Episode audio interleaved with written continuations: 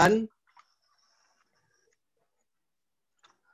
Puji Tuhan, hari ini hari Senin tanggal 24 Agustus tahun 2020 pukul 4 pukul 8.00 WIB kita akan mulai Zoom meeting kita. Zoom meeting yang ketiga dari Korwil Jabodetabek Sinode Jemaat Kristen Indonesia yang akan membahas topik yang paling aktual yaitu mengenai inovasi, innovation dengan memperlengkapkan memanfaatkan perlengkapan-perlengkapan cara-cara baru bagaimana kita menggunakannya untuk menunjang pelayanan kita. Kita akan mulai dengan doa oleh Ketua Korwil Ibu Magdalena. Waktu dan tempat kami persilakan.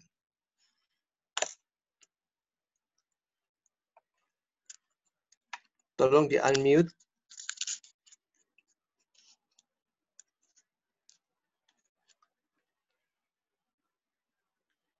Pastor Fendi, tolong di unmute Ibu Maria Magdalena.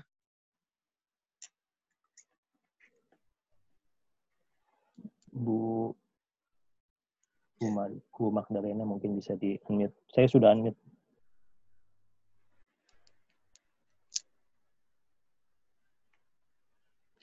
Silakan Ibu Maria Magdalena.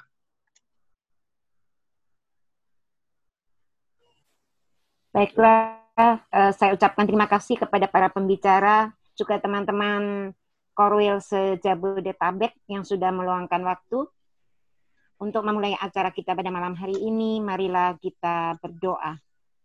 Bapak di dalam nama Tuhan Yesus Kristus, kami mengucap syukur untuk kesempatan yang Tuhan izinkan malam hari ini kami boleh berbincang-bincang dan kami boleh menyampaikan apa yang terpenting di dalam pelayanan kami. Terima kasih untuk para pembicara yang sudah bersedia memberikan sesuatu yang baru di dalam pengalaman kehidupan pelayanan kami dan kami serahkan semua pembicaraan bahkan semua peserta yang ada di dalam nama Tuhan Yesus Kristus. Kami membuka acara ini.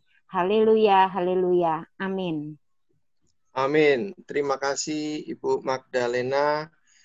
Sekali lagi, saya Pastor Herianto Lim dari Korwil Jabodetabek mengucapkan selamat datang kepada para peserta, juga para narasumber kita.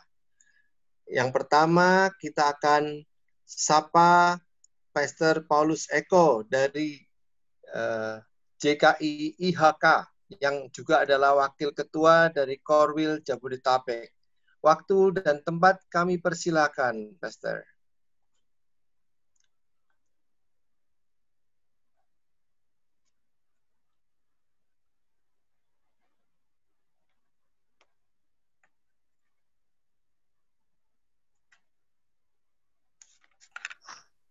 Ya, puji nama Tuhan, Shalom saudara-saudara semua. Malam hari ini kita akan sebelum kita berbagi pengalaman dengan rekan-rekan dan sebelum kita membahas tentang satu tema yang cukup aktual hari-hari ini karena kita sedang menghadapi sebuah pandemi yang mau tidak mau kita harus uh, mengubah konsep pelayanan kita. Maka dari itu menyingkat waktu, saya akan memulai dengan slide saya supaya segera selesai ya dan kita akan bersama-sama Eh, melihat apa yang harus kita maaf ada yang salah nih. Tunggu.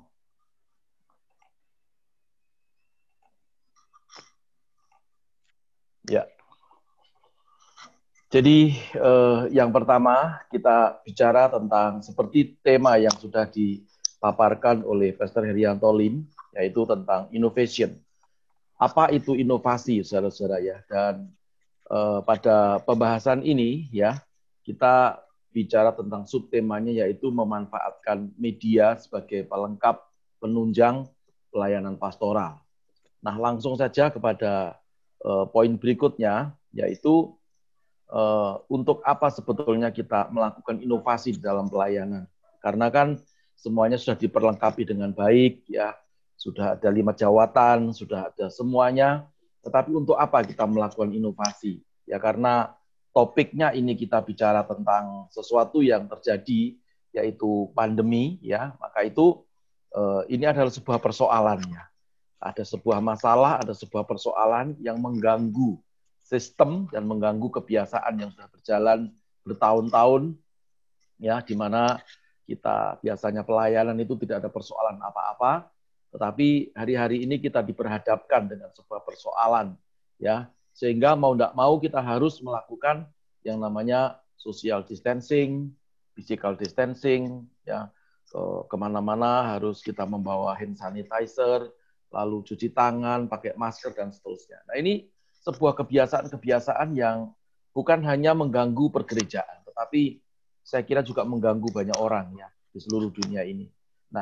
Kita mengalami hal seperti itu di dalam pelayanan, kita tidak bisa diam, ya kita tidak bisa eh, apa namanya berpuas dengan keadaan, apalagi menangisi sebuah persoalan ini yang dan diharapkan Tuhan turun tangan, ya tidak ya. Tetapi kita harus membuat satu inovasi di dalam pelayanan ini, karena mau tidak mau gereja harus mengikuti apa yang ditentukan oleh pemerintah, yaitu Eh, kita harus ibadah secara offline, ya enggak uh, tidak bisa ibadah offline lagi, tetapi secara online, ya.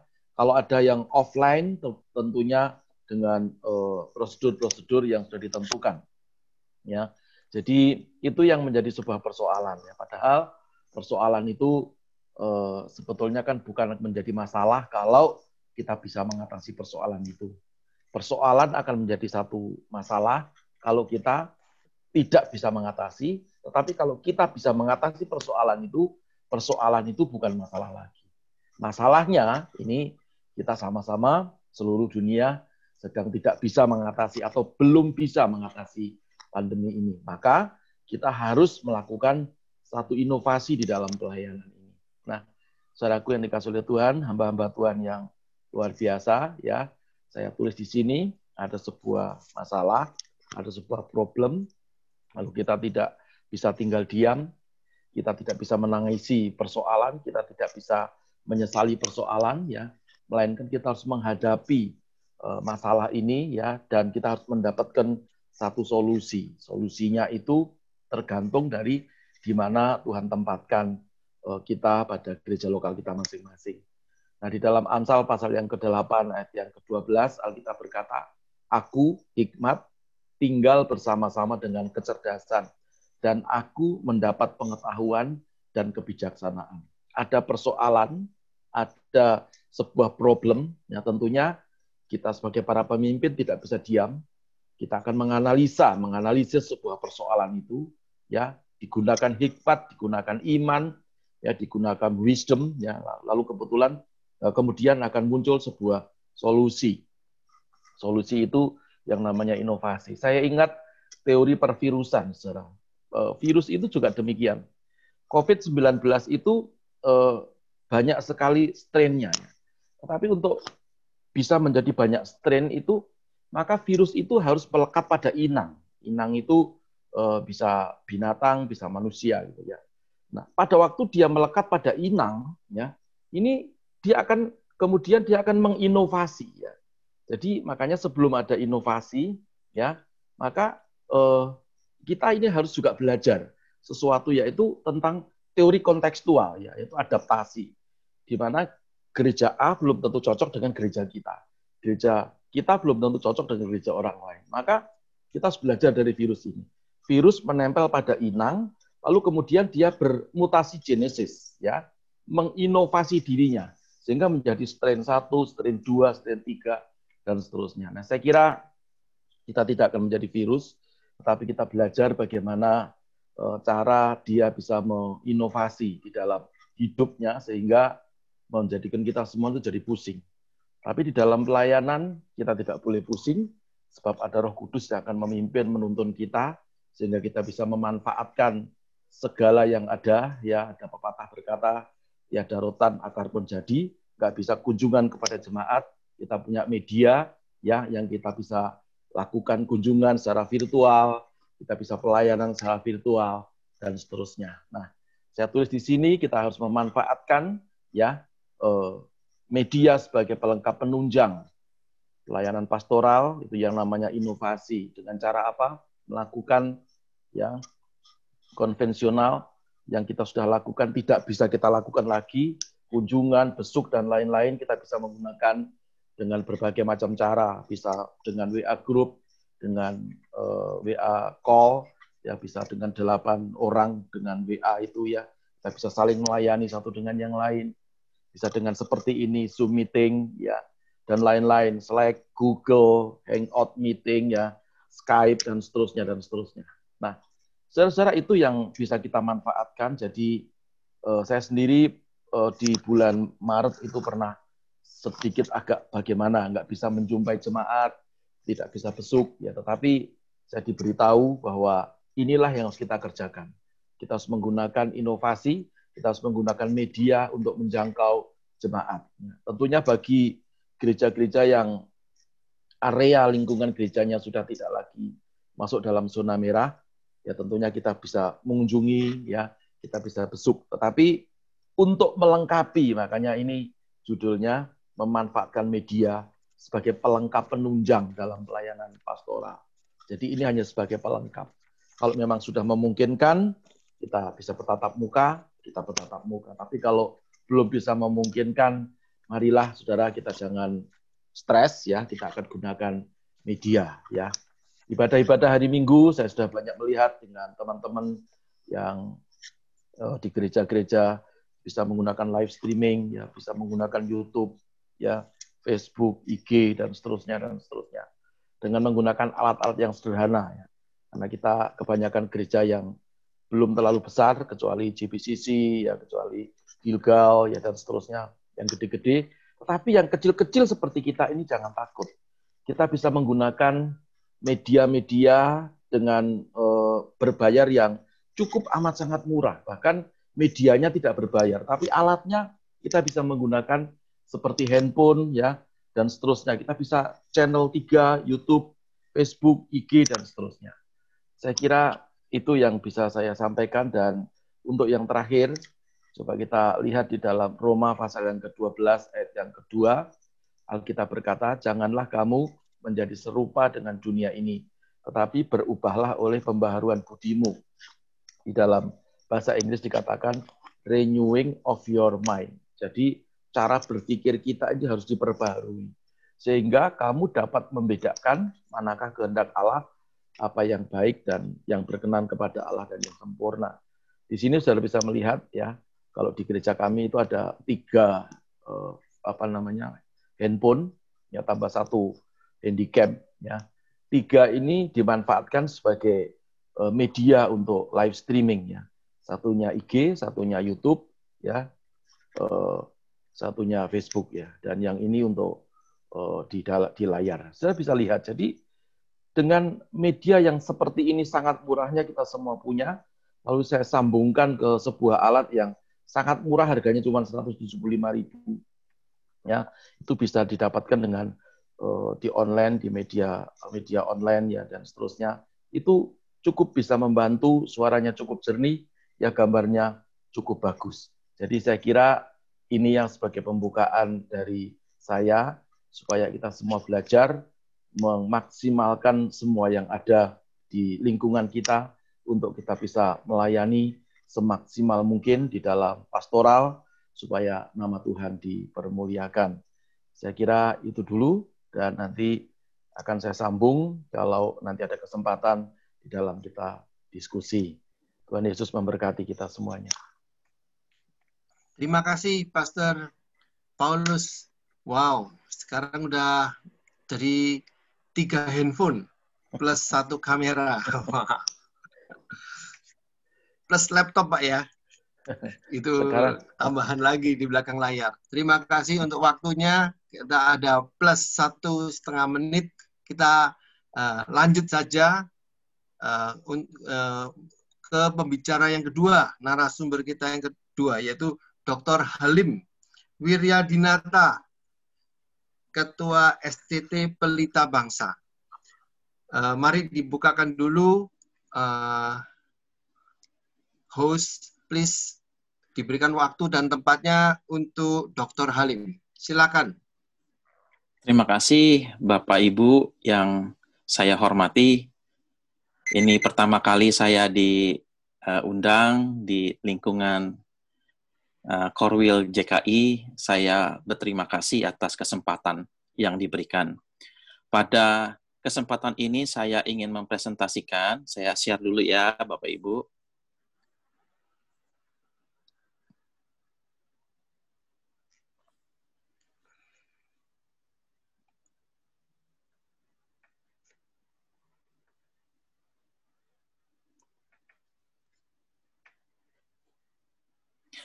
Pada kesempatan ini saya ingin men-sharekan tentang ekonomi kerajaan Allah. Kenapa saya mengambil satu konsep yang namanya ekonomi kerajaan Allah? Karena pada akhir-akhir pada masa COVID-19 ini semakin hari semakin uh, menurun kita punya daya beli masyarakat maupun juga daya uh, jual barang kepada masyarakat. Nah, oleh sebab itu saya ingin mengatakan kepada saudara-saudara, ekonomi ini sebenarnya merupakan bagian daripada kekristenan. Ekonomi itu berasal dari kata bahasa Yunani namanya oikos dan nomos. Oikos itu adalah rumah tangga, sedangkan nomos itu adalah peraturan. Kalau kita gabungkan menjadi satu, itu adalah peraturan rumah tangga. Namun kalau kita bisa melihat lebih dalam lagi, penggunaan kata oikonomia itu adalah penata layanan. Jadi oikonomia pun juga itu selalu berhubungan, berkelindan dengan konsep kita punya penata layanan di gereja. Jadi oleh sebab itu saya ingin uh, sampaikan bahwa visi daripada kalau kita bicara tentang ekonomi yang namanya oikos dan nomos itu adalah mensejahterakan manusia.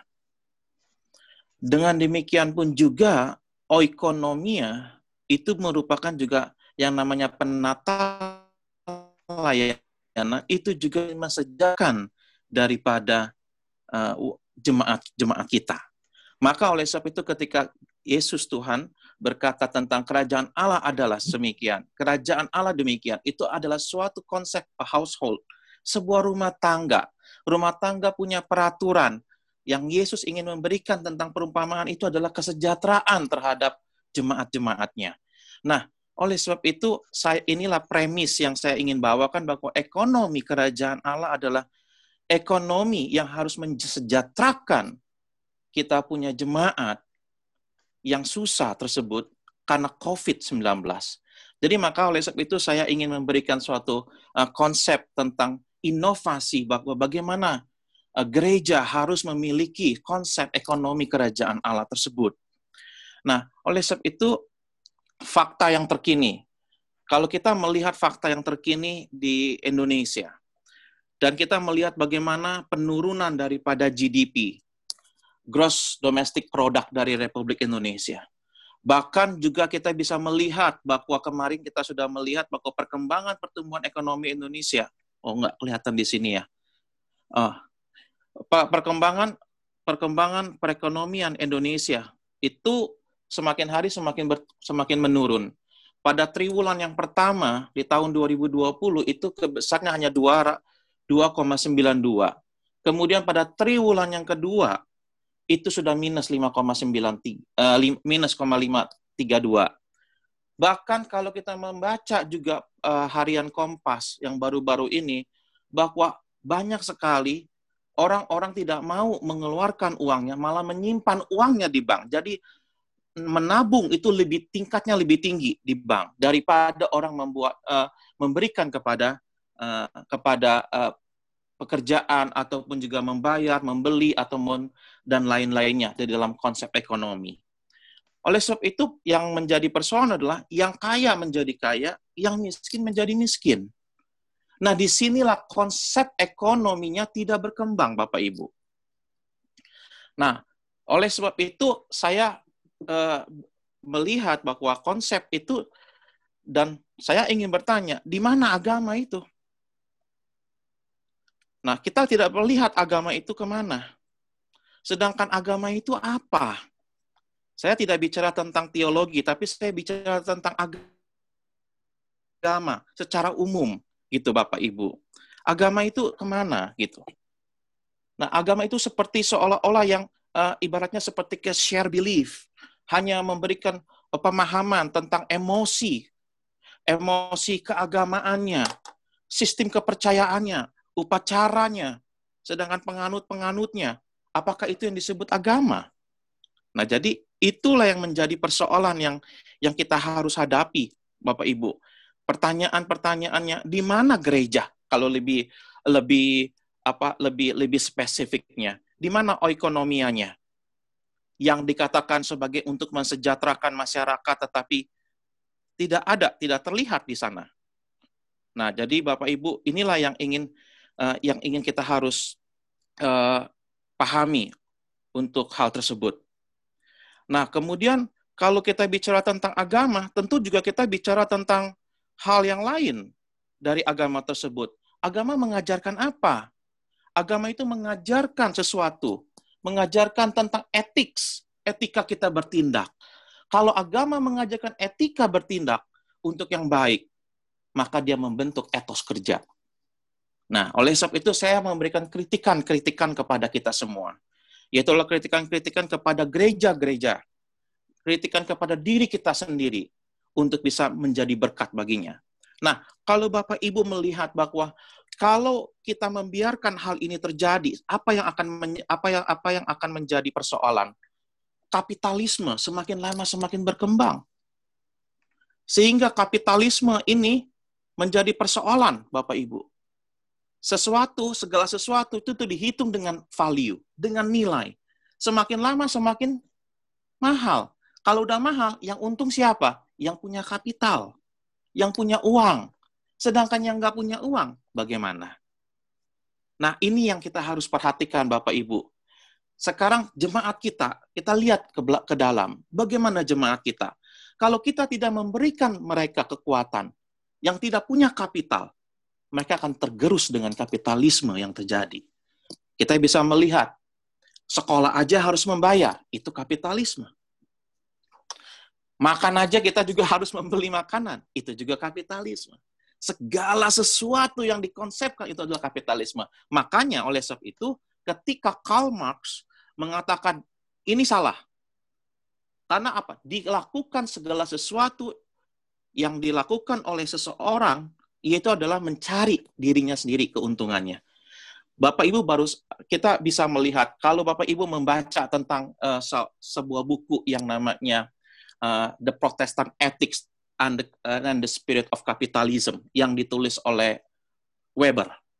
Weber menyatakan bahwa sebenarnya kapitalisme itu dibangun atas dasar sebuah agama. Sebuah nilai yang namanya agama ajarkan itu adalah etika.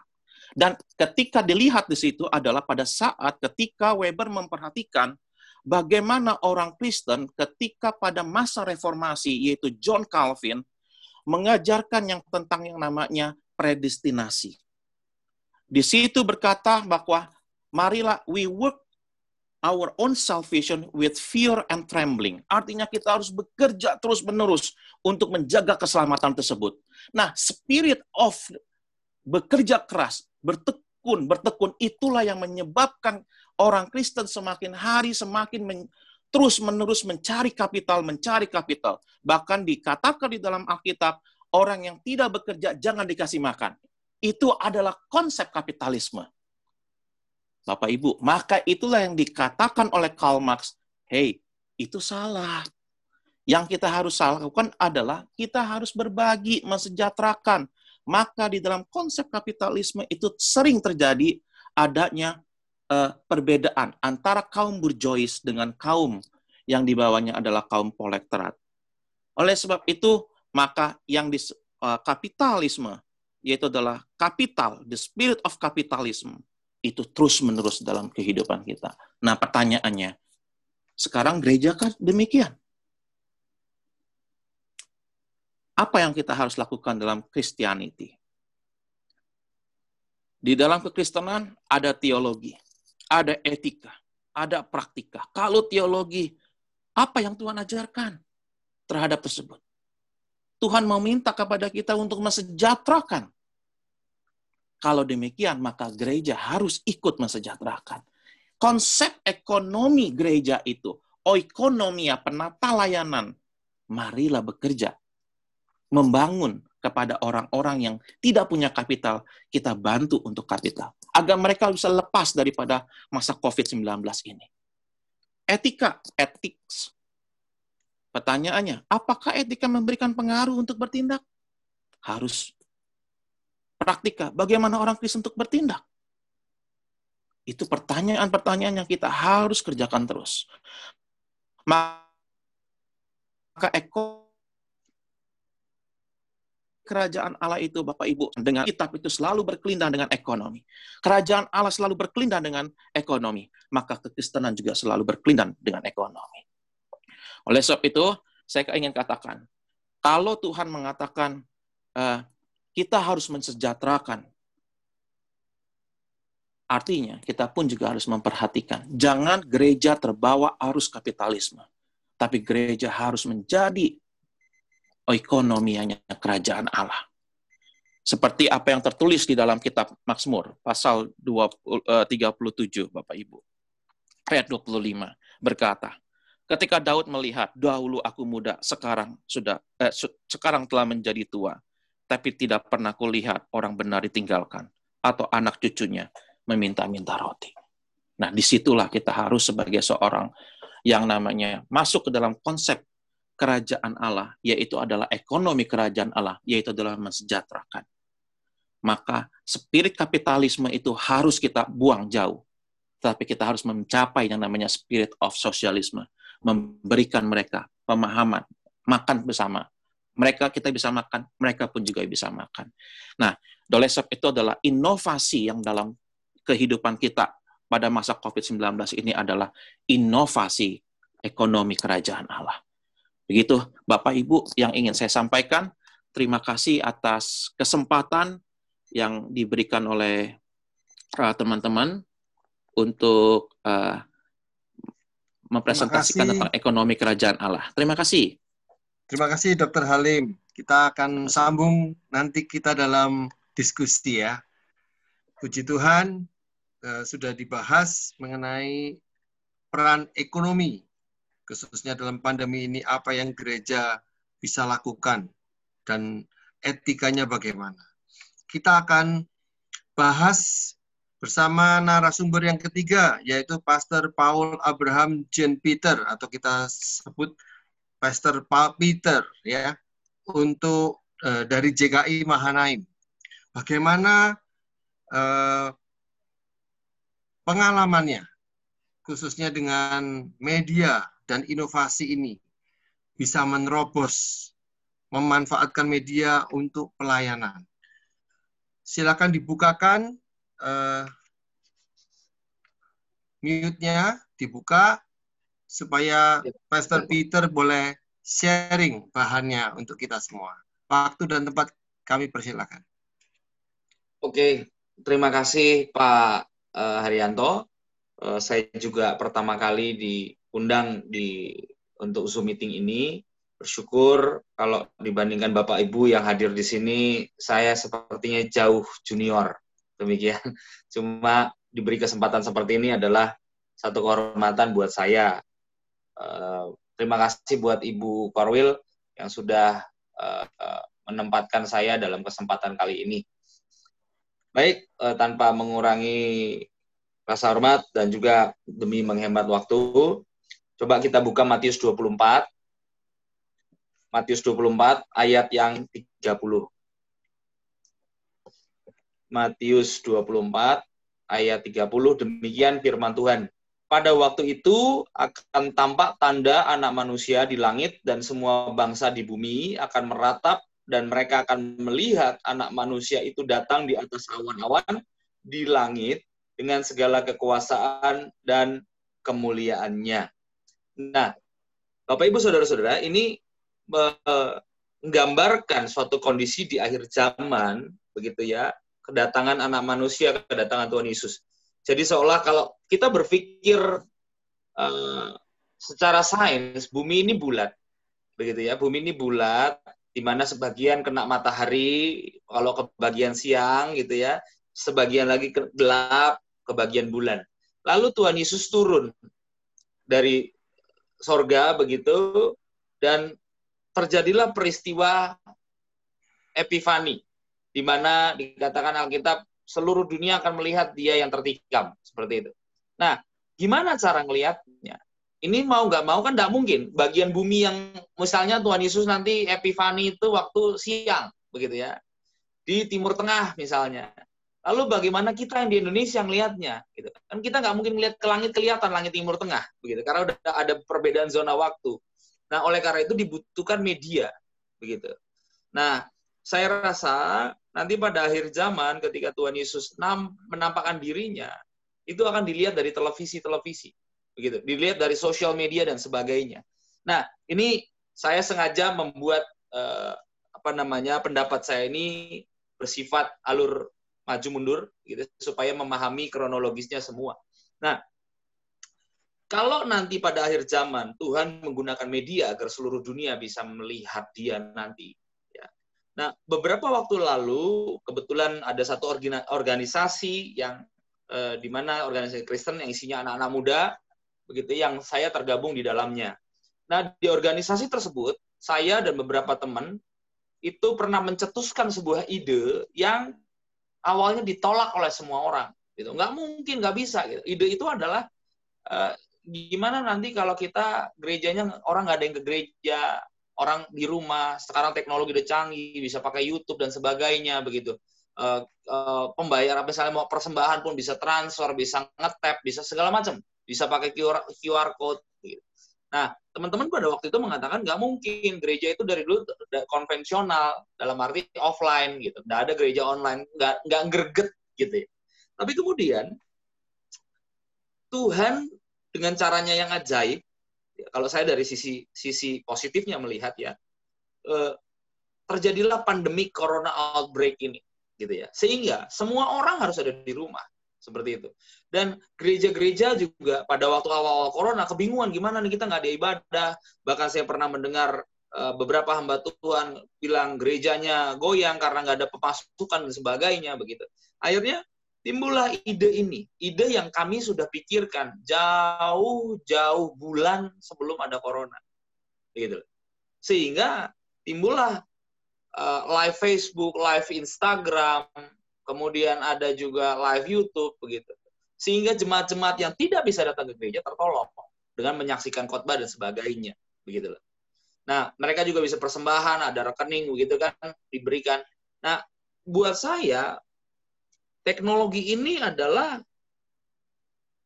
milik Tuhan begitu ya. Milik Tuhan yang dia akan pakai untuk kemuliaannya. Kalau kita boleh lihat dalam sejarah gereja Indonesia belum pernah ada gereja-gereja di seluruh Indonesia, terutama gereja karismatik, yang menggunakan media sosial sebagai platform untuk menyampaikan firman Tuhan seperti sekarang ini. Nggak ada. Begitu loh. Semua offline, semua tradisional, gitu kan. Nah, sekarang sudah ada yang uh, uh, online, canggih, gitu loh. Kita tidak menutup kemungkinan suatu saat kalau Anda pernah melihat Bapak Ibu Saudara pernah nonton film Avengers di mana di situ ada Tony Stark begitu ya, yang uh, high tech begitu yang yang begitu begitu penuh dengan teknologi. Kalau Anda bisa melihat itu dia punya uh, saya lupa namanya yang komputernya itu bisa dilempar-lempar gitu. Gambarnya itu bisa digeser, bisa dibuka begitu ya, bisa dikembangkan dari satu titik hanya dengan gerakan tangan. Nah, maybe one day, one day Eh, pendeta itu bisa bikin holographic image, di mana hamba Tuhan ini bisa hadir di tengah di rumah jemaat masing-masing. Ya, jadi di lokasi yang di, di satu lokasi dia ada aslinya dia, kemudian punya holographic image, di mana setiap rumah orang-orang percaya itu punya proyektornya, gitu ya.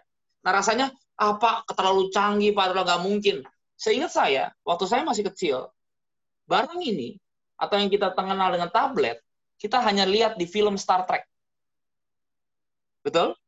Telepon genggam yang kita punya sekarang seperti ini, touchscreen seperti ini, hanya dilihat di film Star Trek.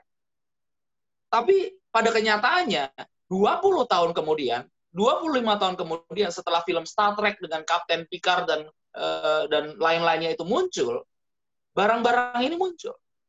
Begitu loh. Dulu orang pakai stetoskop dokter. Ya sampai sekarang dokter masih pakai stetoskop gitu ya. Tapi sekarang ada alat-alat digital, contohnya seperti termometer yang tidak harus menyentuh kita. Hanya dekat aja dengan infrared, itu udah bisa. Nah, ini perkembangan teknologi yang yang sangat advance begitu. Nah, seperti yang kitab Daniel juga katakan waktu Tuhan memerintahkan Daniel memerintahkan kitab itu karena pada akhir zaman nanti pengetahuan akan bertambah. Seperti itu. Nah, pengetahuan kita eh, sekarang ini sangat bertumbuh dengan pesat. Nah, dalam hal kita, dalam hal gereja kita, kita harus mampu membuat sebuah inovasi. Kalau sekarang kan live YouTube, live uh, Instagram, live uh, Facebook, sekarang lagi digandrungi begitu. Tapi one day nanti ketika teknologi ini semakin berkembang, kalau kita nggak ikut berinovasi dalam teknologi-teknologi yang ada ke depan, begitu ya, kita kan di gereja kan jauh ketinggalan.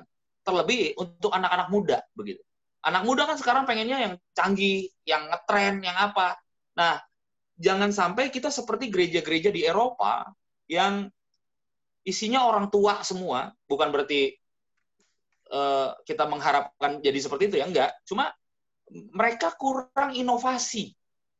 Saya tidak, kita sama-sama sering dengar bahwa ada gereja, contoh di beberapa negara Eropa ya, yang sampai dijual dan kemudian jadi bar. Ini ironis. Bukan nggak mungkin di Indonesia bisa terjadi seperti itu.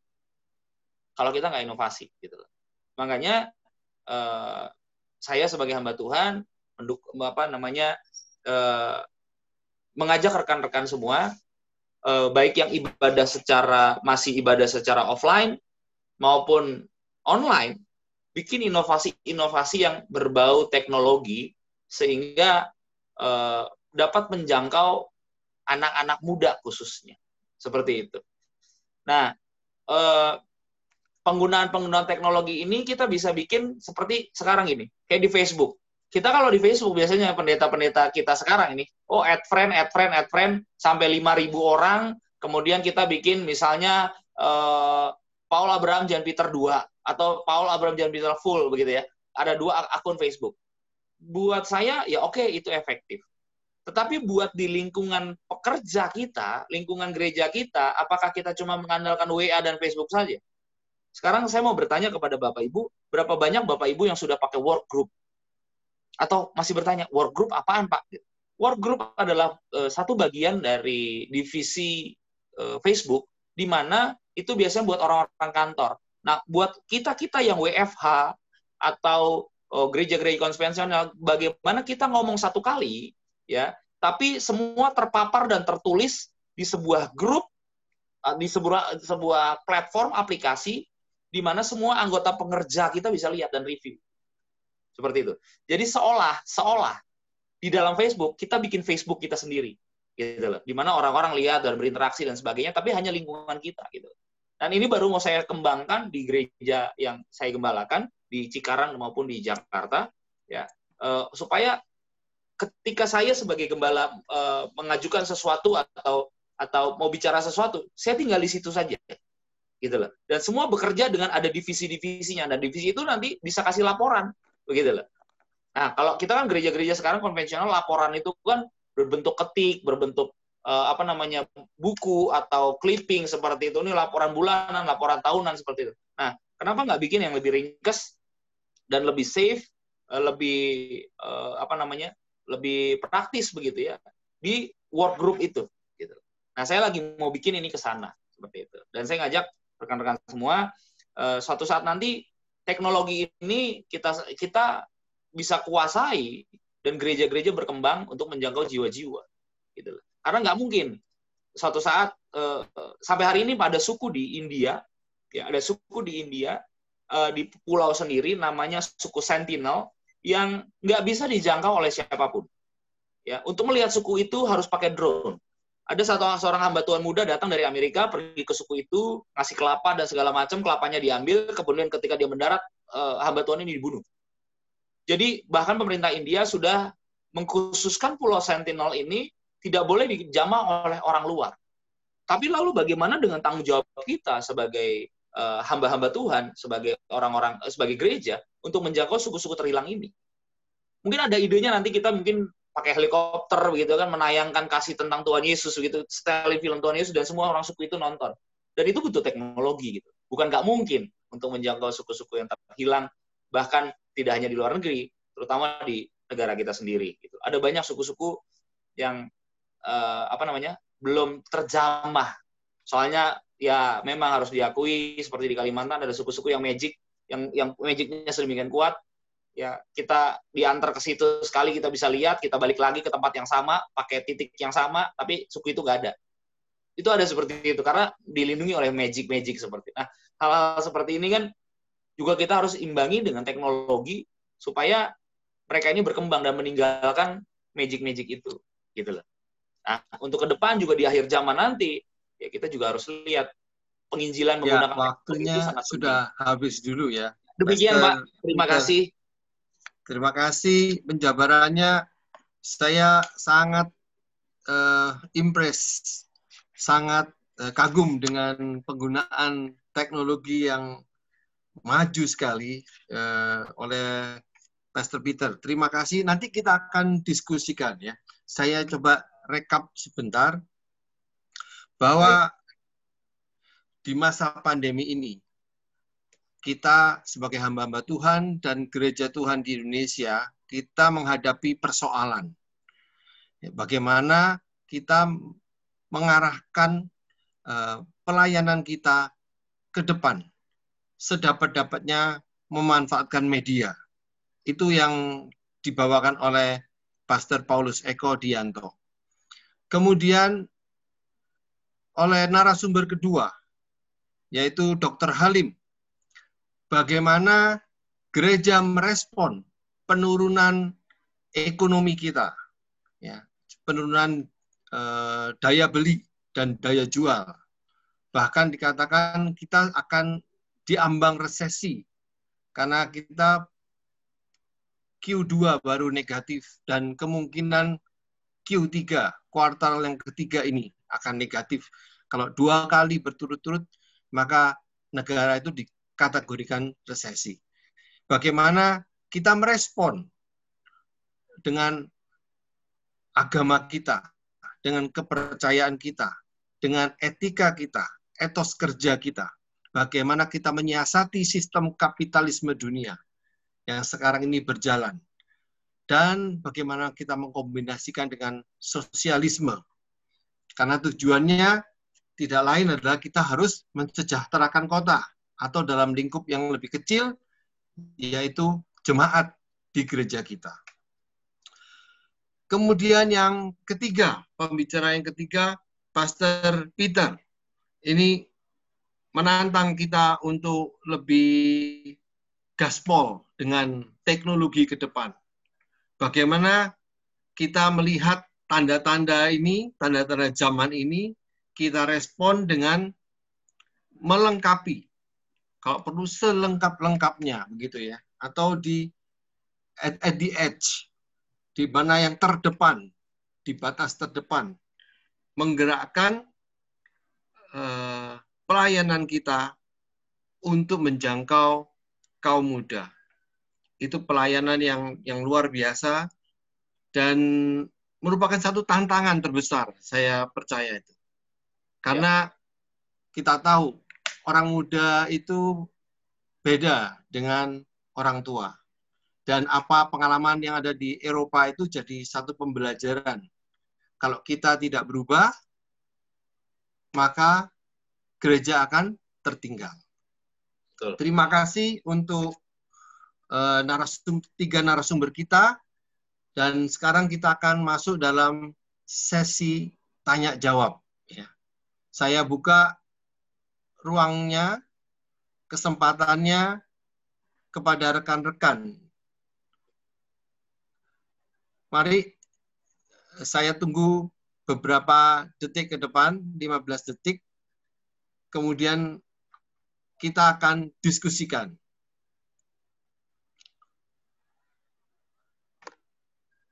Pastor Fendi, boleh dibantu ada pertanyaan-pertanyaan dibacakan, pertanyaan yang sudah masuk.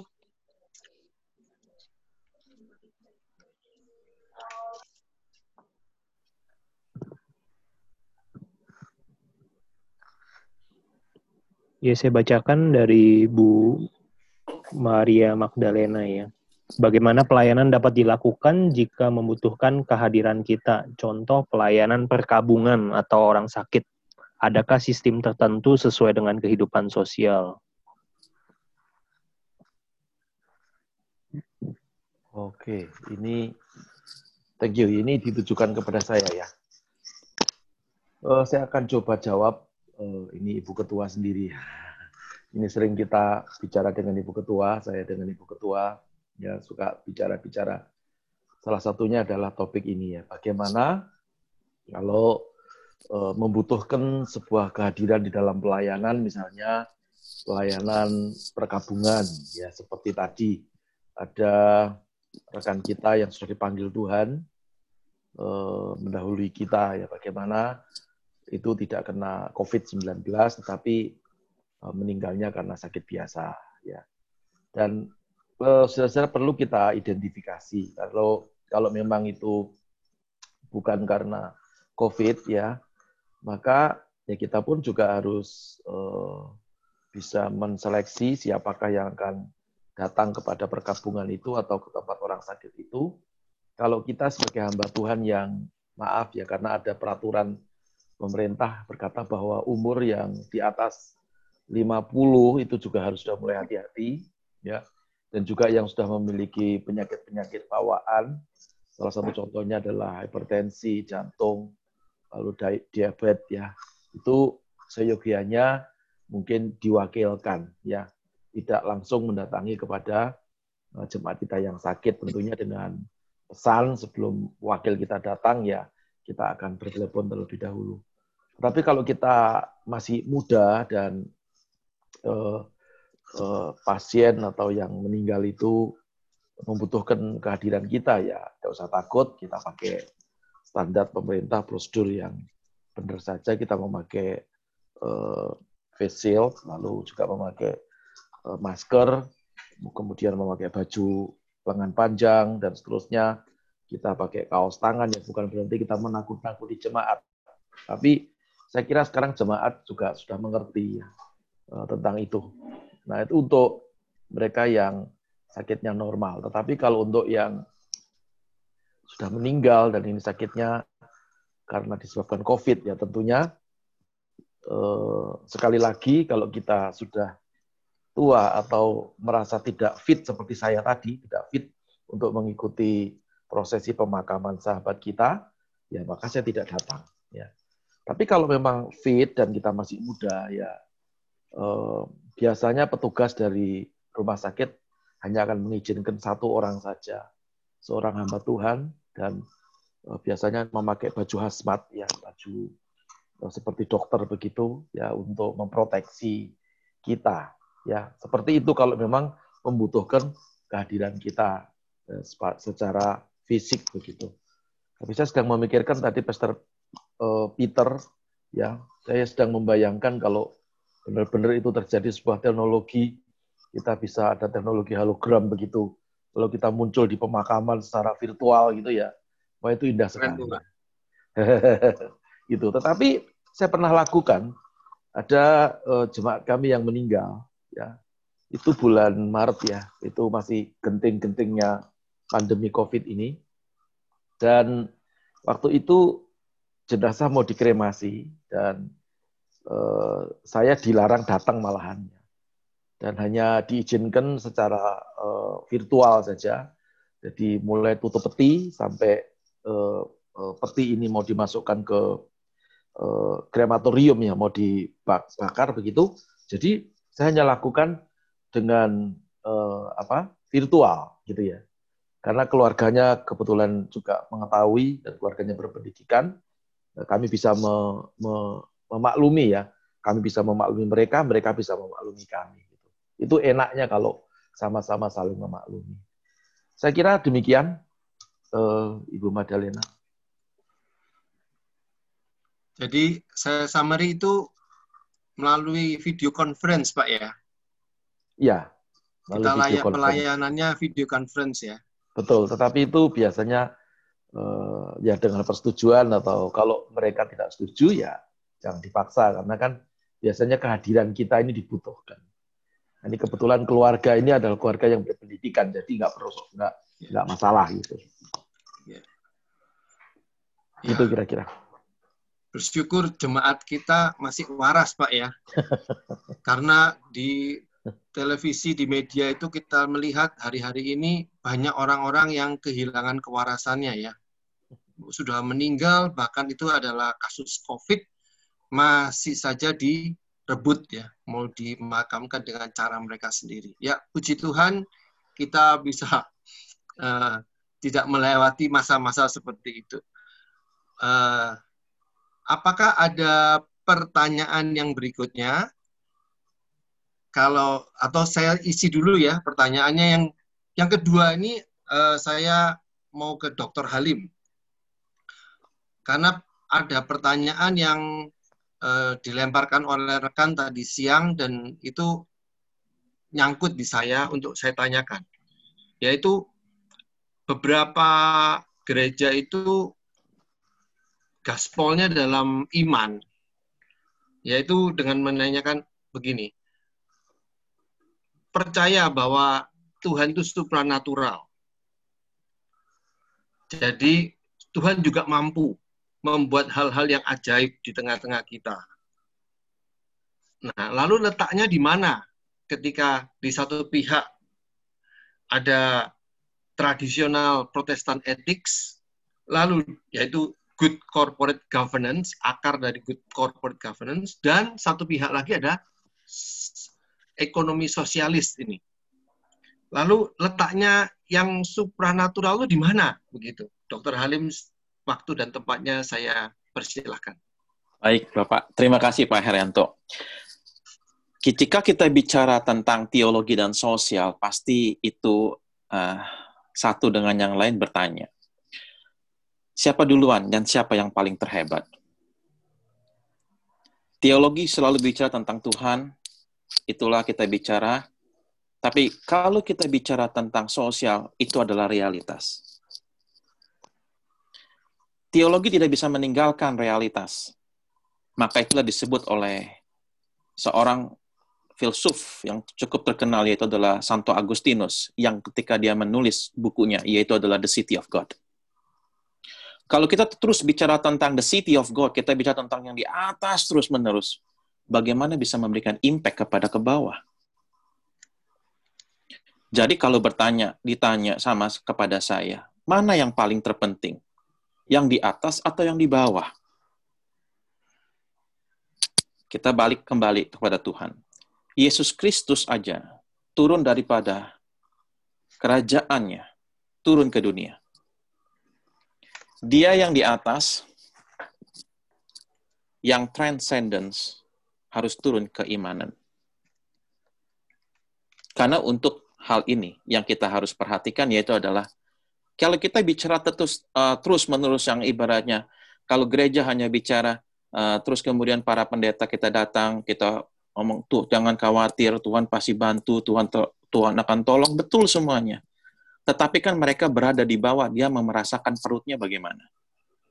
Nah, oleh sebab itu yang menjadi persoalan di antara metodologi antara yang di atas sama yang di bawah. Tapi saya pengen belajar tentang namanya inkarnasi. Itu sangat luar biasa. Yesus itu pun sangat luar biasa memberikan suatu konsep inkarnasinya. Ketika yang di atas, dia harus turun ke bawah supaya melihat yang realitas yang ada di bawah. Nah, konsep inkarnasi inilah yang kita harus jalankan. Bahwa konsep yang namanya yang mana supranatural sama yang dengan yang yang yang berada di bawah, yang ibaratnya sosial, nah itu harus berjalan keseimbangan. Jadi satu dengan yang satu tidak bisa memaksakan teologi yang harus lebih baik, tidak harus memaksakan eh, sosial yang lebih baik. Tetapi dalam konsep hal ini, saya ingin berkata bahwa uh, bahwa Allah kita memang Allah yang luar biasa, Allah kita adalah Allah yang yang mampu melakukan segala sesuatu, tetapi di dalam konsep inkarnasi Allah memberikan suatu example, contoh yang luar biasa. Dia turun yang transcendence menjadi imanan. Dan kalau kita bicara dari yang kalau kita terus-menerus bicara tentang atas, di bawah nggak akan pernah mengikut. Makanya oleh sebab itu saya pernah selalu bicara sama teman-teman rekan-rekan saya, mahasiswa saya di STT. Saya katakan, kalau kita bicara, kalau kita di atas mimbar, bicara tentang, tentang di atas, bahkan banyak mahasiswa saya itu uh, membuat skripsi tentang yang namanya uh, apakah orang Kristen bisa selamat? Apakah John Calvin adalah uh, tokoh reformator? Apakah yang namanya tulip daripada John Calvin memberikan bahwa sekali selamat untuk selamat? Saya pertanya, pertanyakan hal tersebut. Apa gunanya untuk ke bawah? Nggak ada gunanya untuk jemaat. Jemaat nggak bakal pernah bicara tentang yang namanya siapa itu John Calvin, Martin Luther itu doesn't really care about it. What they care about perut. Jadi oleh sebab itu saya selalu berkata, jadilah seperti kayak Tuhan Yesus. Inkarnasi. Yang atas harus turun ke bawah. Itu dia Pak Herianto. Thank you Pak. Intinya Jangan jadi manusia kemarin, tapi jadilah manusia hari ini dengan menatap ke depan. Karena hari ini kita perlu makan, keluarga kita perlu makan, tapi jangan lupa bahwa kita tetap bertuhan. Amin. Selalu. Ya. Uh, saya minta bantuan dari host, Pastor Fendi. Tolong dibacakan jika ada pertanyaan yang lain.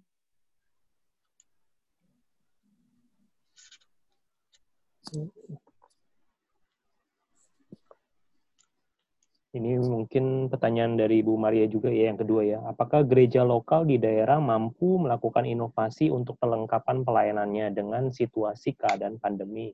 Sementara secara perekonomian masih mengalami kesulitan. Ini ditujukan ke Pastor Paulus dan Pak Halim. Yuk. Mari Pak dosen saja. Silakan. Pak Paulus juga juga boleh duluan. Saya coba ya Ibu Mada, jadi apakah gereja lokal di daerah mampu melakukan inovasi untuk memperlengkapi pelayanan dengan situasi pandemi.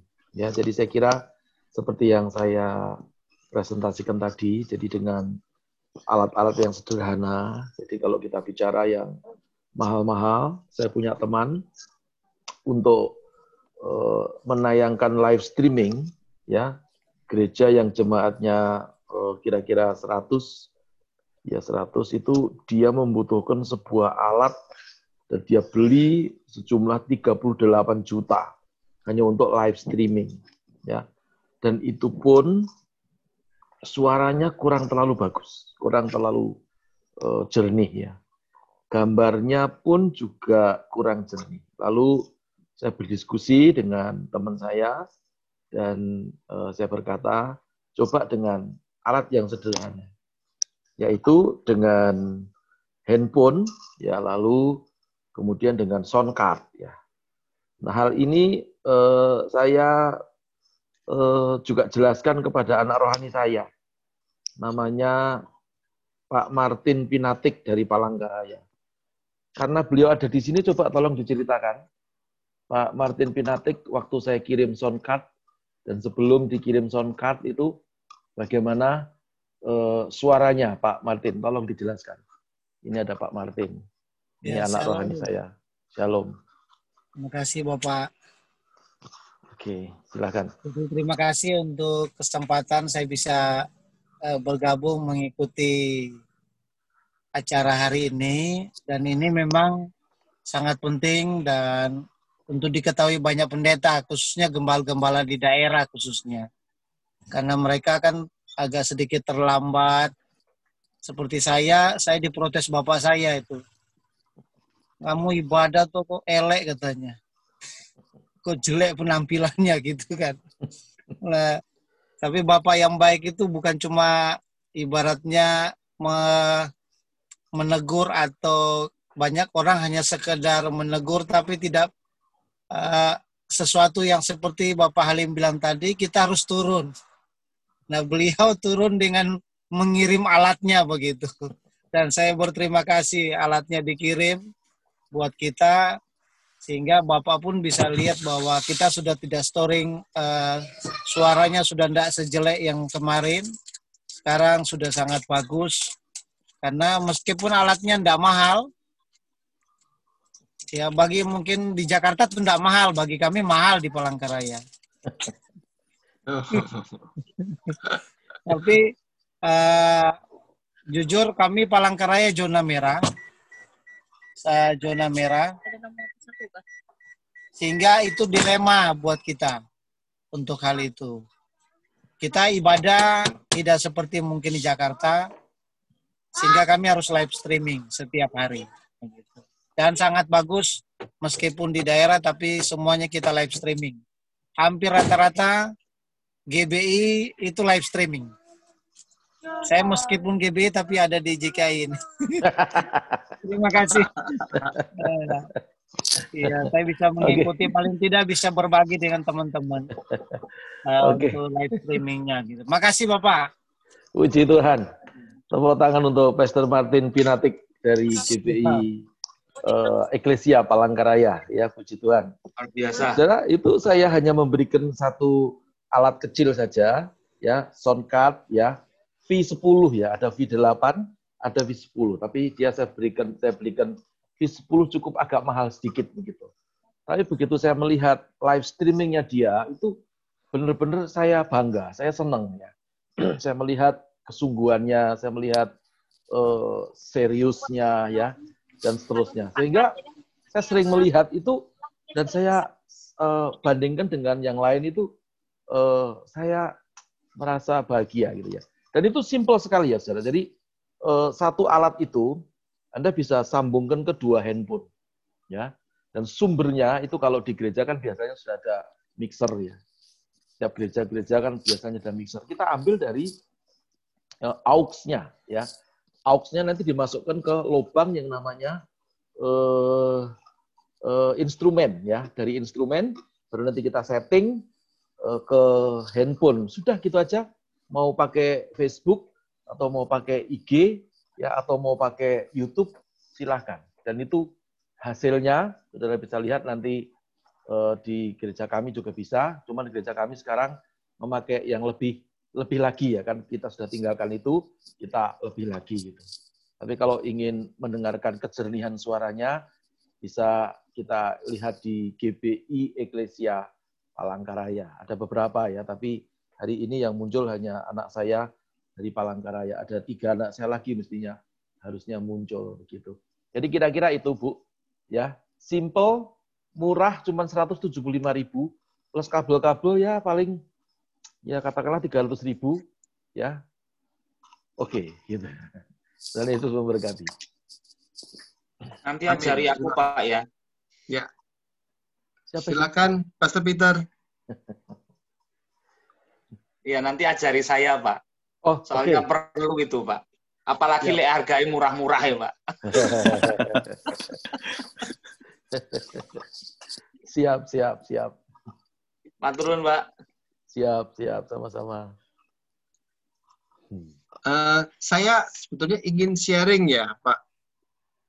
Uh, Pak Peter ini mau menjawab, ikut menjawab atau kita bisa beralih ke yang berikutnya?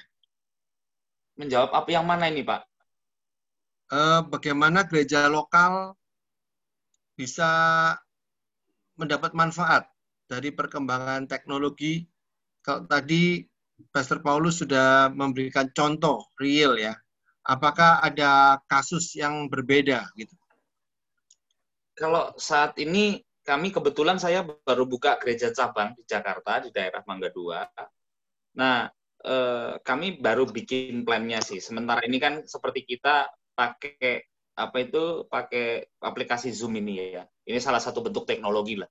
Nah, eh, seperti yang kita sudah lakukan seperti sekarang ini. Nah, banyak gereja-gereja eh, banyak jemaat yang yang tadinya tidak tahu apa-apa dalam arti eh, apa ya bahasanya ya bahasa eleknya nggak rada gaptek gitu ya tapi karena diajari untuk pakai ini, untuk pakai aplikasi Zoom ini. Jadi kalau kita meeting antar gereja, dua gereja ini, kita pakai aplikasi Zoom ini, itu sangat baik. Kebetulan gembala di Jakarta itu yang saya tunjuk itu sudah cukup berumur ya untuk bisa berjalan beraktivitas untuk uh, dari Jakarta ke Cikarang itu kan jauh ya Pak. Jadi menggunakan aplikasi Zoom ini sangat membantu mereka. Kemudian orang-orang pekerja-pekerja pabrik di Cikarang yang ya nggak pernah pakai teknologi-teknologi yang macam-macam punya handphone ya tinggal telepon dan SMS WA itu cukup gitu ya buat mereka itu sudah eh, highly advanced technology gitu loh. Nah diajarin pakai Zoom ini uh, mereka ya akhirnya apa kita komsel tadinya komsel kan kebagi-bagi nah mereka ini selalu pengen komsel gabungan begitu beberapa bulan sekali pada akhirnya setelah pandemik ini pakai aplikasi zoom ini kita bisa komsel malah gabungan semuanya ngumpul gitu loh jadi seperti ibadah tengah minggu jadinya nah mereka itu jadi bersemangat begitu membantu mereka untuk apa namanya eh, lebih maju dan memberikan manfaat buat mereka dalam bidang teknologi. Ini hanya aplikasi Zoom sebenarnya. Nah, mungkin di Jakarta, wah namanya pakai Zoom biasa ya. Tapi kalau di Cikarang gitu loh, yang biasa pekerja-pekerja pabrik, yang rutinnya di pabrik aja dari pagi sampai malam, ada yang sampai pagi lagi. Eh, aplikasi Zoom ini cukup canggih buat mereka gitu loh. Dan membantu mereka untuk bertemu pendetanya, apa bertemu dengan teman-teman lain gitu, saling bisa menyapa. Nah, itu karena kebetulan gereja kami itu eh, sifat kekeluargaannya cukup kuat gitu loh. Jadi aplikasi Zoom ini uh, salah satu teknologi yang yang uh, kami gunakan untuk memberi manfaat kepada uh, jemaat kurang lebih seperti itu, Pak. Oke, terima kasih. Saya ada sesuatu yang mengganjal sebetulnya. Kalau kita gereja-gereja baru, itu kita harus bergumul dengan teknologi seperti ini. Kalau hmm. gereja-gereja yang sudah established, seperti ya. kalau di kita itu namanya JKI Injil Kerajaan di Semarang, ya. itu enak sekali mereka karena mereka sudah menguasai kota, punya radio. Hmm. Mereka punya pekerja yang sangat banyak, mereka punya gereja satelit, mereka punya hampir semuanya. Jadi semua khotbah itu bisa di loading di, di melalui radio, radio FM. Kalau di Jakarta mungkin itu setara dengan uh, sinode yang baru itu ya, namanya Suara Kebenaran. Pak, er, Pak, Pak Erastus itu. Mereka punya radio AM. Tapi itu sudah established. Artinya semua khotbah, perlengkapan yang diperlukan jemaat, mereka punya semua. Ya. Sekarang apa masih perlu kita kita pakai radio konvensional ataukah kita pakai radio digital saja? Itu kalau saya di, pernah ditawarin sebelum pandemi ini dengan 3 juta itu kita sudah bisa punya radio digital. Ya, jadi kalau mungkin ini satu informasi juga kalau kita memang mau ngejar lebih banyak, lebih padat, kita bisa buat podcast. Akan kalau Dokter Halim ini sekolahnya bisa dimasukin ke podcast itu semua. Betul, betul. Apa apa masih layak begitu ya? Karena saya juga bertanya-tanya sih. Pertanyaan itu tolong dijawab dulu oleh Pastor Peter ya, mungkin kemudian baru Dokter Halim dan Pak Paulus. Waktu dan tempat kami persilakan. Iya, untuk radio konvensional yang kita dengar FM seperti itu ya bagi gereja yang mampu untuk bisa itu oke okay, begitu ya yang sudah established begitu. Tapi untuk radio uh, digital dengan biaya 3 juta saya rasa itu satu teknologi yang perlu kita pertimbangkan. Karena jujur waktu kami mendirikan gereja eh, sebelum kami online gitu ya sebelum kami online itu uh, untuk supaya di daerah kami nama gereja didengar orang kanan kiri itu rada sulit gitu ya. Nah, kebetulan uh, uh, ada terjadi pandemik ini sehingga kami menggunakan platform Facebook dan Instagram. Dan karenanya ini baru Facebook, Instagram yang udah platform umum begitu ya, platform umum yang mendunia seperti itu. Nah dari dua platform ini ada beberapa orang dari luar negeri yang telepon langsung ke HP saya begitu, meminta saya untuk khotbah di Zoom. Seperti dari Pakistan, dari India, dari bahkan ada dari Arab Saudi begitu negara muslim yang, yang luar biasa begitu ya. Nah, itu hanya pakai gitu doang. Nah, kalau saya bilang radio digital karena kami eh, khususnya saya kebetulan anak rohani dari Pendeta Heru Yono dari Blitar, Dulu kami di Blitar itu menggunakan uh, radio digital seperti ini. Sehingga dari perkembangan radio digital seperti ini, Raja Wali televisi eh, Raja Wali TV itu sempat minta siaran uh, siraman rohani rutin. Karena dengarnya dari radio. Nah, radio digital itu penjangkauan untuk wilayah sekitar dan Indonesia itu sangat efektif kalau buat saya ya. Karena saya udah lihat langsung gitu. Sangat efektif dan uh, banyak orang-orang di luar sana kalau radio digital itu itu kalau tidak saya tidak salah ya itu bisa dilihat uh, berapa yang mengunjungi channel itu gitu loh. Hmm, nah itu bisa, bisa dilihat dan fluktuasinya itu ada waktu kami uh, uh, buat itu itu dari 20 orang sampai lebih dari 500 600 700 orang per kali ibadah begitu. Dan itu tersebar ke seluruh Indonesia. Nah, dengan biaya yang sangat murah, dengan tujuan untuk memberkati orang lain, begitu ya, ya worth it sih buat saya untuk dilakukan gitu loh. Mungkin dari saya itu. Terima kasih, Pak. Oke. Dokter Halim boleh memberikan jawaban? Boleh, Pak. Ya. Kalau kami sebagai uh, institusi pendidikan yang ada di berbasis uh, pendidikan.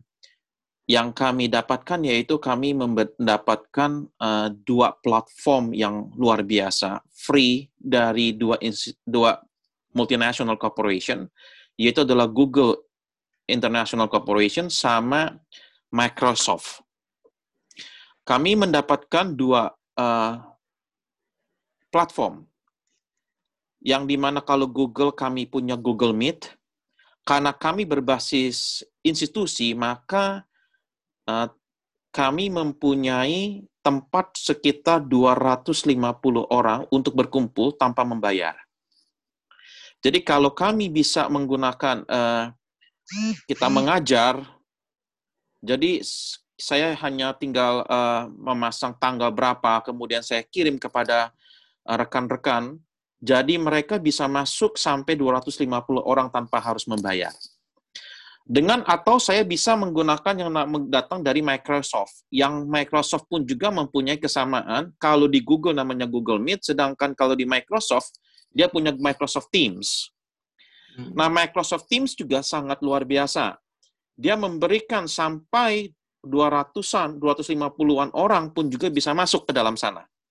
Jadi artinya uh, kalau kita misalkan uh, kuliah ataupun bisa ibadah, chapel gitu ya, kita bisa melakukan yang namanya dengan menggunakan dua platform tersebut for free semuanya.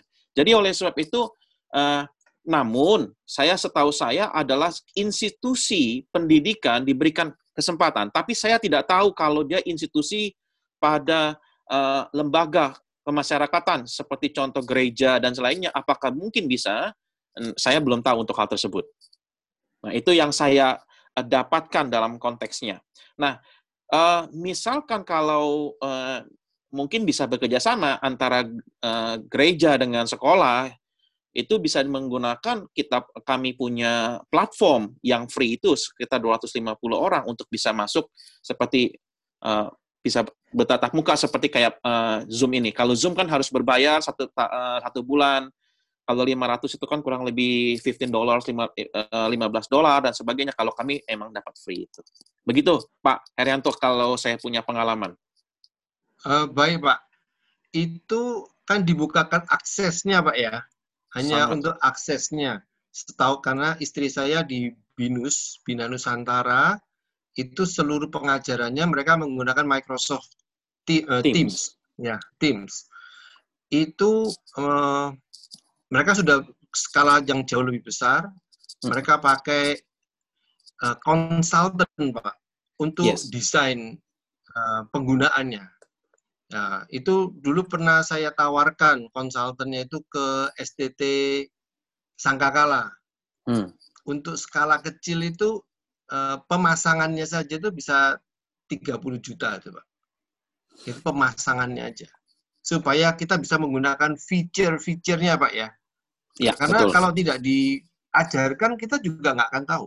Dan setidak dipasang dengan baik, maka classroom kita akan berantakan. Kalau udah Benar. berantakan, kita tahun depan kita harus melakukan hal yang sama lagi. Gitu. Sedangkan Betul. kalau sekali kita sudah ditata dengan baik, tahun depan kita hanya improving deltanya saja. Begitu. Terima benar, kasih benar, untuk benar. berbagi uh, kesempatannya. Pastor Paulus, okay. ini pasti asam garamnya lebih banyak ya, lagi ya, ya. untuk pertanyaan radio konvensional, digital, podcast, dan lain-lain. Bagaimana Pak Paulus? Oke, terima kasih Pak Erianto Lim sebagai sahabat saya dan terutama untuk kawan-kawan. Jadi tentang radio konvensional, baik itu AM, FM, saya kira kalau memang eh, masih ada kesempatan untuk kita bisa membuat ya tentunya di luar Jakarta. Kalau di Jakarta, saya sudah coba-coba untuk, karena saya juga pengen ya, ada radio ya. Karena radio itu sebetulnya eh, sebuah media yang praktis ya. Walaupun sudah mulai ditinggalkan, tetapi kalau memang itu eh, dari gereja menginstruksikan, mesti kayak misalnya kalau di Surabaya ada eh, Bahtera Suara Yuda, ada ada Sangkakala, ada segala macam gitu ya itu sambil ibu-ibu itu apa eh, masak di dapur itu bisa mendengarkan ada khotbah bapak pendeta A, ibu pendeta B dan seterusnya gitu. Tetapi kalau toh memang kita ada di uh, Jakarta kan tidak lagi bisa untuk membuat seperti itu karena frekuensinya terlalu berimpit ya. Kecuali ada radio yang dijual, itu pun pasti harganya mahal ya. Mau AM mau FM itu sudah mahal. Tetapi ada satu terobosan lagi tadi kalau Dr. Halim sudah memiliki uh, dua platform yang luar biasa, lalu teman saya Peter juga sudah punya paparan. Tapi ada satu hal yang mungkin kita bisa kerjakan, yaitu dengan Spotify. Jadi seperti ini, ya Pastor Fendi pasti dia akan rekam, ya.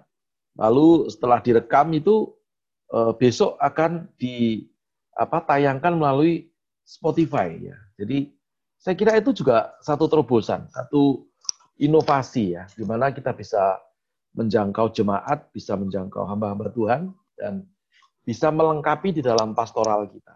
Jadi kalau saya belum terlalu tinggi-tinggi karena terlalu tinggi biayanya mahal. Jadi eh, saya kira gunakan dulu yang kalau bisa yang murah-murah ya, eh, bahkan kalau perlu yang tidak bayar tapi kita maksimalkan seoptimal mungkin sehingga hasilnya itu benar-benar kita bisa lihat bahwa semua jemaat itu bisa mendengarkan pengajaran dari gereja, lalu kita juga bisa mendapatkan inputan-inputan dari mereka. Saya kira itu Pak Arianto. Iya Pak, terima kasih. Jadi intinya jangan investasi terlalu besar, tapi utamakan penjangkauannya. Begitu ya, ya Pak ya? Iya. Puji Tuhan. Puji Tuhan. Uh, saya minta tolong kepada host, Pastor Fendi, tolong dibacakan lagi pertanyaan-pertanyaan, karena saya kira ini diskusinya tambah seru ya. Sebetulnya mat, secara materi uh, makin seru. Silakan, Pastor Fendi. Ya, Pak Peter boleh diizinkan meninggalkan tempat dahulu karena akan ada pelayanan mendoakan orang sakit. Silakan Pak Peter. Nanti mohon kalau maaf. bisa bergabung lagi. Baik, mohon maaf ini yang di komplek ada yang memang sakit, sudah bolak-balik telepon dari tadi, makanya dari tadi saya nunduk saja karena menjawab dia. Ini harus saya segera layani. Mohon maaf sekali, saya ini diskusi seru banget soalnya. Coba terpaksa. Begitu, Bapak Ibu. Terima kasih banyak untuk kesempatannya.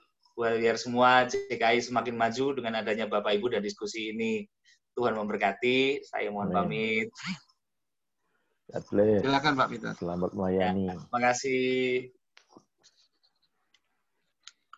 Pak Fendi, silakan Pak Fendi.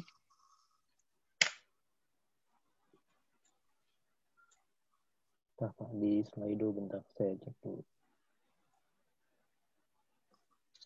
Belum ada yang masuk ya. Belum ada yang masuk.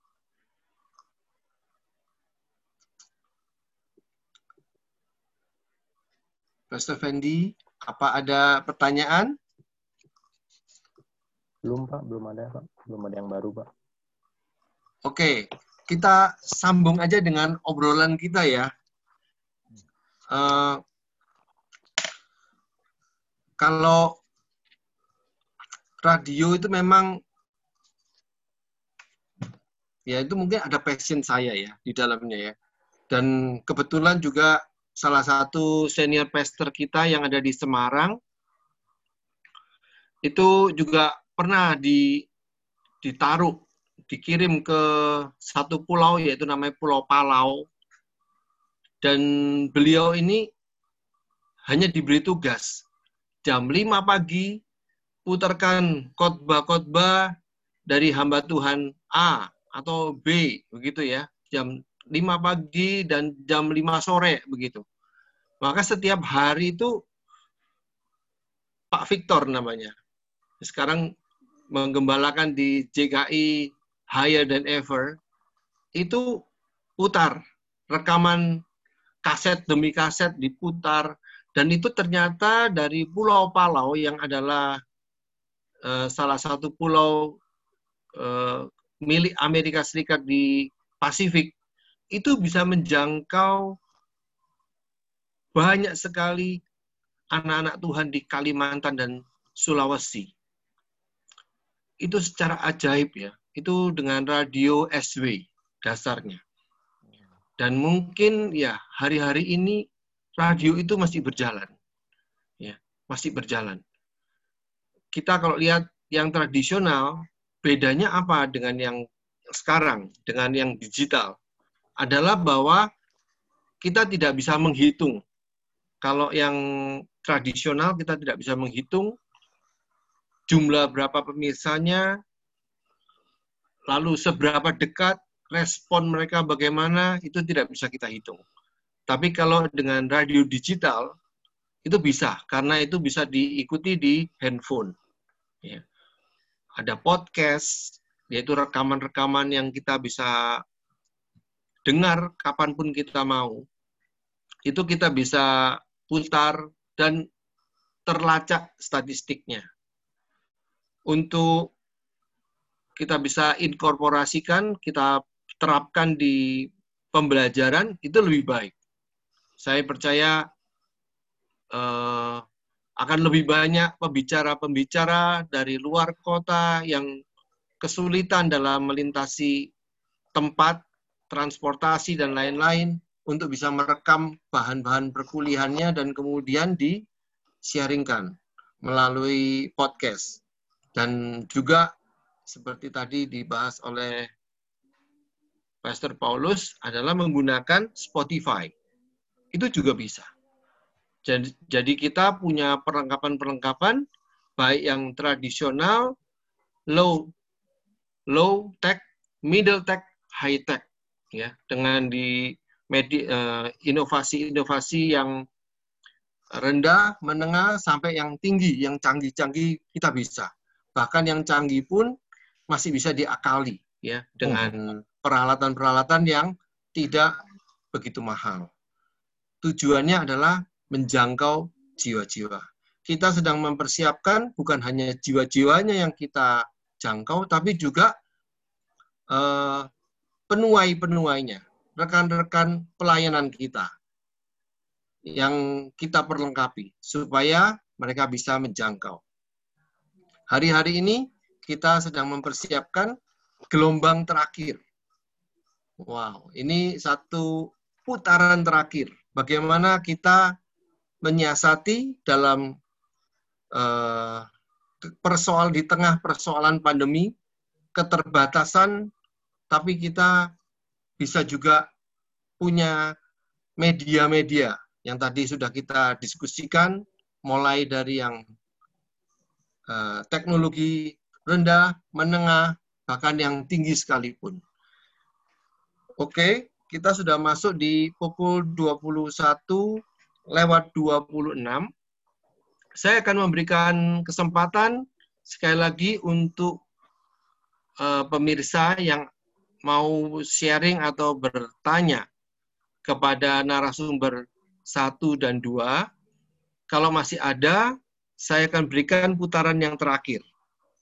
Dan jika tidak, saya akan minta closing statement dari uh, narasumber kedua, kemudian narasumber pertama untuk menyampaikan uh, sekitar 2-3 menit.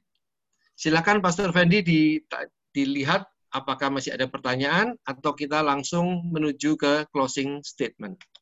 Ini ada satu pertanyaan Pastor Haryanto ini ditujukan ya, saya bacakan aja. Kita tahu keadaan saat ini perekonomian semakin susah tetapi pelayanan pastoral terus berjalan. Pertanyaannya, apakah pelayanan pastoral secara online bisa membantu orang-orang yang membutuhkan pelayanan, tetapi terkendala bagi yang tidak mempunyai HP, mungkin jemaatnya gitu ya. Mungkin Dokter Halim bisa kasih tanggapan gitu.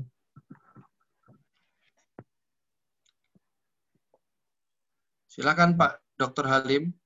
Di unmute, ya. di unmute. Yes. Nah, ini suatu dilema yang harus kita hadapi. Dan ini adalah uh, bagaimana sekarang gereja khususnya, yaitu adalah sebagai uh, bukan hanya sebagai tubuh Kristus, tapi juga sebagai organisasi. Saya melihat bahwa gereja itu selalu melihat ada dua hal. Satu, memang gereja adalah tubuh Kristus, tapi di satu sisi lagi seperti sama, uh, mata koin, ya, seperti mata koin yang punya dua gambar, tapi satu koin, satu mata koin, yaitu uh, satu koin. Jadi oleh sebab itu bukan hanya dia sebagai so, sebuah uh, tubuh Kristus, tapi juga sebagai organisasi. Dan inilah yang menjadi persoalan yang selama ini yang saya selalu perhatikan. Ketika dia menjadi organisasi, tentu dia harus mempunyai suatu konsep manajemen yang baik Ketika dia punya manajemen yang baik, pasti dia punya peraturan yang baik. Dalam peraturan yang baik dalam organisasi kegerejawian itu adalah mensejahterakan saya rasa. Okay? Karena konsep daripada eh, gereja itu adalah mensejahterakan, bukan hanya sebagai memberi makanan dan minuman secara rohani, tetapi juga gereja juga harus menjadi alat untuk bagi mereka yang kekurangan. Karena jika tidak melakukan hal tersebut, saya takutnya suatu saat nanti gereja akan menjadi suatu alat kapitalisme yang digembar-gemborkan terus-menerus, terus-menerus menggunakan uh, konsep bahasa-bahasa bahasa-bahasa teologis untuk membangkitkan yang namanya kapitalisme, kapitalismenya lagi. Nah, kalau demikian, persoalan yang terjadi ketika perekonomian semakin turun menur, turun terus, turun terus dan dikhawatirkan Q3-nya yaitu adalah kalau dia sampai minus dan akan masuk ke resesi. Sedangkan pastoral terus berjalan terus, berjalan terus. Sedangkan yang kita gak capai pun juga orang-orang yang ada di daerah yang tidak mempunyai tanda kutip adalah alat-alat seperti alat uh, eh, HP dan sebagainya, terutama di Indonesia bagian timur yang tidak mempunyai jangkauan terhadap uh, internet. Bahkan kalau di Papua, kalau kemarin di Papua saya nggak bisa pakai XL, saya harus berganti dengan Telkomsel. Bahkan Telkomsel pun juga on off on off. Itu menjadi persoalan yang kita hadapi. Nah, yang saya ingin sampaikan adalah yang persoalan adalah gereja satu dengan yang lain sudah memasang tembok. Ini pun juga saya selalu uh, bicara di dalam konteks uh, di dalam konteks yang namanya akademis. Kalau kita bicara tentang gereja, kalau dia hanya sebagai tubuh Kristus di satu sisi, tubuh Kristus tidak pernah merasakan yang namanya perbedaan. Jadi artinya walaupun dia gereja yang sudah ada ataupun gereja yang tidak ada, artinya maksudnya gereja kaya sama gereja miskin, itu adalah satu tubuh Kristus. Nah, tetapi yang tercak yang kita lihat di sini adalah kotak-kotak. Pembagian segmentasi satu persatu. Bahkan saya merasa kalau bukan lulusan dari gereja, dari sekolah tinggi filsafat Jakarta, jangan pernah harap untuk menjadi guru di BPK Penabur. Itu sering terjadi. Kalau bukan lulusan dari STFT eh, Jakarta ataupun juga dari UKDW atau UKSW jangan pernah melamar menjadi hamba Tuhan di GKI baik Jabar, Jateng, Jatim. Nah, itu sudah terkotak semuanya Bapak Ibu. Nah, inilah yang yang kita harus uh, perhatikan, yang kita harus uh, refleksikan.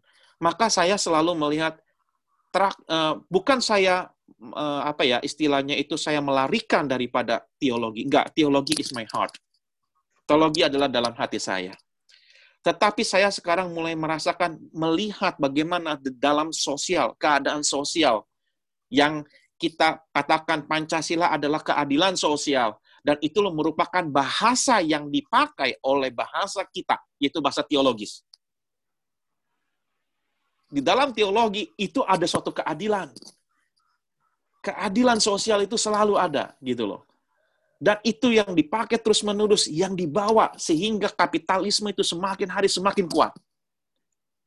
Maka mengalahkan yang namanya di mana yang namanya uh, keadilan sosial tersebut. Nah, yang ingin saya sampaikan juga dari hal-hal ini yaitu adalah jangan pernah kita memasang tembok gereja lokal yang tidak bisa tidak bisa bang, uh, tidak yang yang menjadi problem yaitu adalah ketika mereka pada masa COVID-19 ini dia nggak bisa berkembang dalam dalam perekonomiannya karena orang nggak berkembang sehingga menyebabkan mereka tidak uh, tidak bisa menghasilkan uh, keuangan yang baik finansial yang baik untuk gereja. Gereja pun juga lama kelamaan juga akan akan akan tutup suatu saat nanti. Saya pun juga saya punya uh, persepsi hal tersebut. Ya tapi ya kita pun juga punya Tuhan yang luar biasa bahwa kita berharap bahwa di end of the year uh, New Year nanti kemudian ada uh, apa namanya itu vaksin yang luar biasa sehingga kita akan berjalan lagi. Tetapi kita sedang waiting untuk sampai vaksin comes in uh, in 2021. Oleh sebab itu yang ingin saya sampaikan adalah gereja lokal juga harus berinovasi. Inovasinya apa? Seperti menjual. Menjual lewat mana? Menjual lewat daripada makanan, minuman, pakaian dan apa pun juga harus melalui melalui media-media yang uh, inovasi yaitu seperti kayak WhatsApp dan sebagainya sebagainya gitu. Itu yang harus kita lakukan. Namun memang persoalannya adalah kalau sampai tidak punya HP, tidak punya itu. Nah, itulah memang adalah perlu uluran tangan daripada uh, gereja-gereja yang mempunyai kekuatan kapital. Nah, seperti contoh kayak Pak Paulus memberikan kepada Pak yang ada di Palangkaraya. Ini satu luar biasa gitu. Jadi uh, dia tidak pernah melihat antara JKI sama GBI. Whatever you are going to be, tapi kita adalah satu tubuh. That's it, itu dia. Itu yang saya harapkan. Nah, itu yang saya tekankan kepada mahasiswa saya. Bahwa adalah siapa pun kita harus lakukan. Tapi jangan sampai kita ngomong aja di mulut, tapi tidak pernah melakukan. Enggak, hal tersebut. Yesus aja harus turun dari atas turun ke bawah. Ketika dia bilang, He is the He was the Word, He is the Word, dia adalah firman, tapi firman turun ke bawah. Itu yang kita harus hadapi. Itu Pak yang saya eh, yang saya pikirkan pada saat ini. Terima kasih Pak Feren. Ya, terima kasih. Itu juga uh, closing statementnya Pak ya. Silakan. Ya Pak, betul. terima kasih. Uh, Pak Paulus boleh dijawab sekaligus closing statementnya.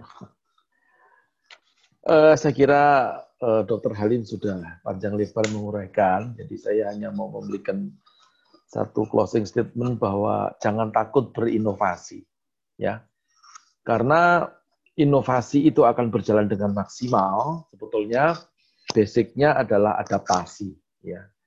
Jadi saya analogikan seperti virus tadi. Ya. Jadi ada virus, lalu dia beradaptasi dengan inangnya.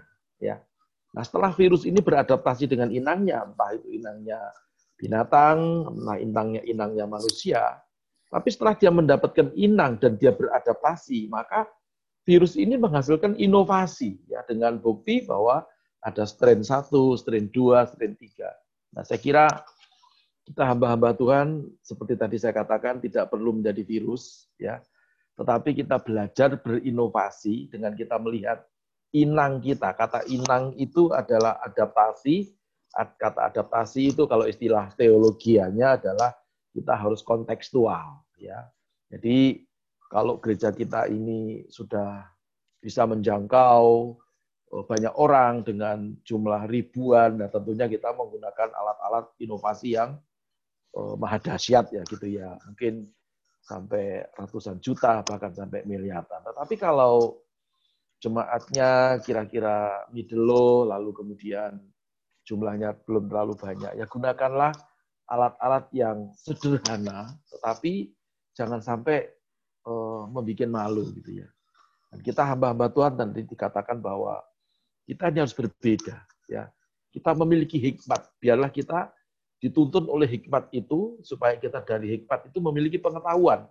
Ya, dengan hikmat dan pengetahuan, maka hamba Tuhan itu bukan menjadi hamba Tuhan yang keterbelakangan, tetapi hamba Tuhan yang mau belajar, hamba Tuhan yang siap maju, ya, berinovasi dengan apa adanya, tiada rotan akar pun jadi. Jadi tidak harus menunggu eh, datangnya kapal pesiar ya untuk menyelamatkan kita.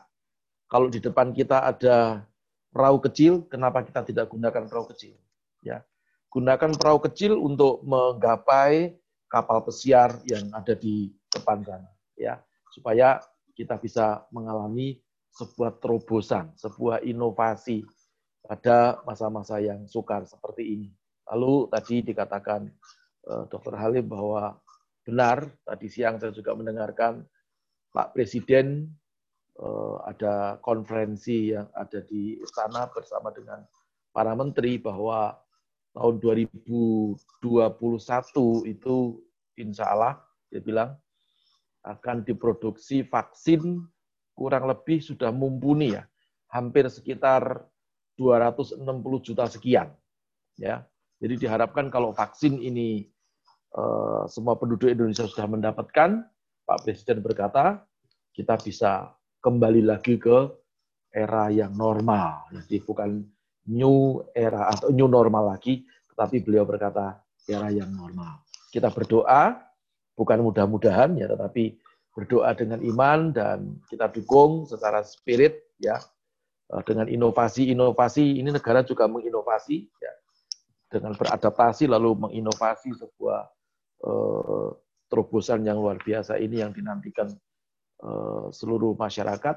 Saya percaya bahwa bukan hanya gereja yang maju tetapi semua orang Indonesia semua masyarakat Indonesia akan mengalami kemajuan. Pada waktu maju Injil masuk, ya maka kemuliaan Tuhan dinyatakan. Ya, Yohanes 10 ayat 10 eh, bagian B dikatakan, Aku datang supaya mereka memiliki hidup dan memilikinya dalam segala kelimpahan.